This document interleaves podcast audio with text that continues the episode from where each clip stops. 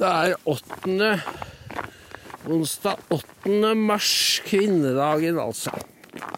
Jeg har ikke akkurat så veldig mye å si om den. Jeg syns dette med Lilly Bandei og litt ekstrem om islam sier jo veldig mye om Sier mye om hvor venstresida i Norge befinner seg. For det er i en tilstand av woke-transe. De klarer ikke tenke én selvstendig tan tanke. De går på reflekser. Og da havner du på samme side som ayatollahene. Sånn er det. Og det burde egentlig ikke overraske.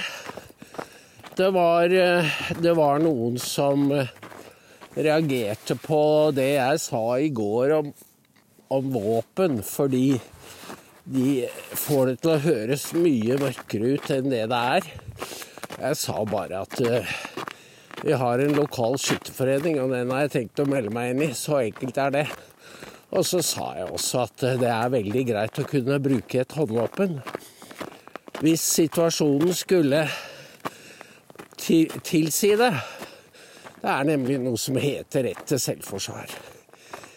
Jeg merker, jeg synes å merke en paranoid frykt for å si noe galt, for å bli misoppfattet, for å havne i myndighetenes søkelys. Det er ingen grunn til å gå ned den veien, fordi hvis du begynner å slå inn på den, så blir du som disse SV-damene oppe i Hallingdal. Du blir hysterisk, og du blir paranoid. Du skal stå på egne ben. Du skal stole på dine egne instinkter. Og du skal tørre å møte verden med åpent visir. Det varer lengst, eller i det lange løp så er det det som holder best. Og det er mye jeg kan si om det med våpen, men det er jo ingen som sier det, så jeg må si det. Vi hadde besøk av en svenske, og han fortalte meg at hans datter hadde vært utsatt for en brutal voldtekt. Det er flere år siden nå. Selv hadde han bæretillatelse, og politiet ville Han hadde innlevert sitt våpen, og politiet ville gjerne at han, at han skulle få det igjen. Men han sa da Da må jeg trene så mye. Og det hadde han ikke lyst på. Jeg syns jo dette var litt sånn merkelig, gitt denne Han bodde for seg selv. Et litt Om det var isolert Men altså Bodde ikke noe blokk eller bodde litt avsidesliggende. Så jeg tenkte det var, var en litt merkelig argumentasjon. Helt til det slo ned i meg at det kan hende han var redd for at han kom til å begå selvmord. Det tror jeg var en nærliggende forklaring på at han ikke ville ha et våpen i huset. Det var ikke at han kunne komme til å bruke det mot inntrengere. Og det var jo en helt forferdelig historie. Jeg ville jo ikke presse ham på det, for det var ille nok, det han fortalte. Så var det en annen, dette var i går. Øyvind følger jo denne rettssaken om Frogner-drapet, som er en merkelig historie. Hvor denne Strømberg ble Hun hadde flere etternavn. Ble drept av han en fra Midtøsten. Som hadde hånd om et byggeprosjekt som bare skar helt av sted. Og så ble han dømt til å betale henne 11 millioner. Og da, det, da gikk det noen sikringer oppi hodet hans.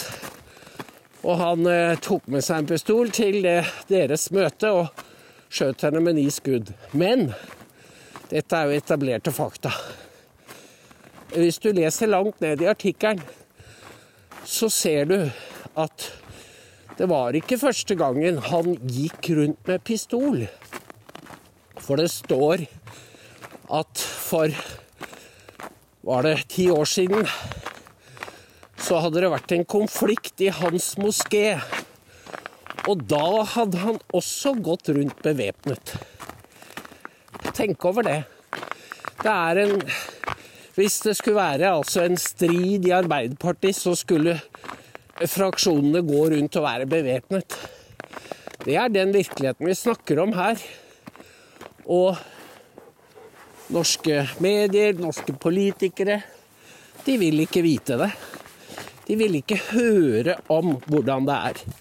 Og når da nordmenn også begynner å bli helt sånn Åh, det er farlig å nevne våpen. Så har man på en måte kapitulert allerede.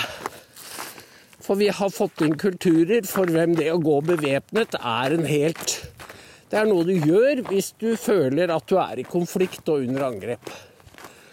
Og det kommer bare til å vokse. Og norsk politi har jo begynt å bli sånn svensk.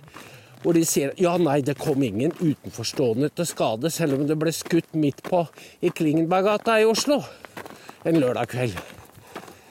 Og sånn er det helt til Helt til eh, så ble det skutt opp ved Ikea på Furuset.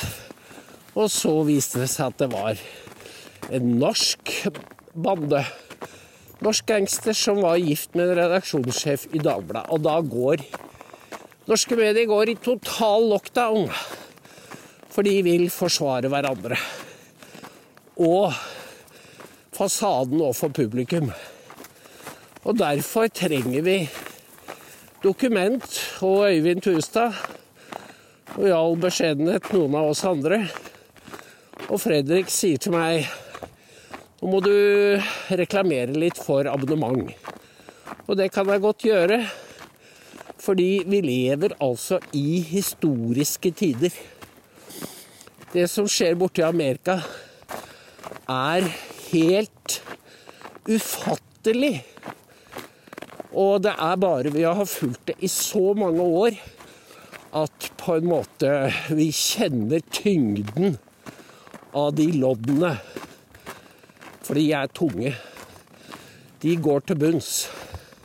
De drar med seg forfatning og politikere og institusjoner. Og det er bare én ting som kan redde dem, og det er alle kort på bordet sannheten. Men venstresiden i USA er blitt så diabolsk at den roper Den roper hets og løgn og hat når det er de selv som blir avslørt.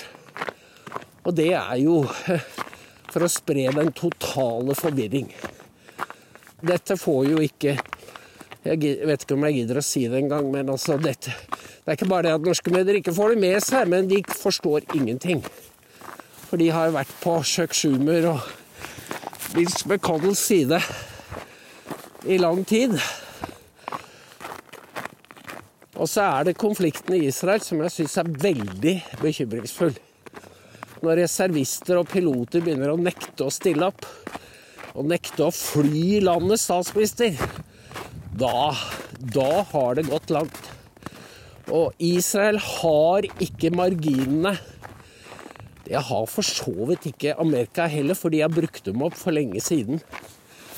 Nå er, nå er Arbeiderpartiet på 15,5% Så jeg skrev til Ragnar Larsen at nå får du skrive en ny kommentar, fordi og, og Høyre er på Jagland-nivå 36,9. Nå får du skrive en kommentar fordi dette er et jordskjelv.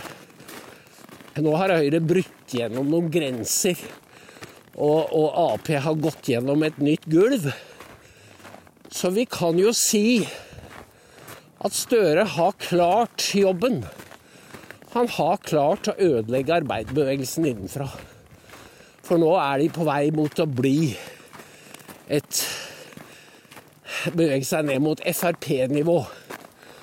Og det er Det er helt bevisst. Hvis du går og ser på hva Støre, Aasland og denne skrekkelige Kjersti Stenseng har sagt, eller Haja Tajik for den saks skyld Det er ikke én innrømmelse.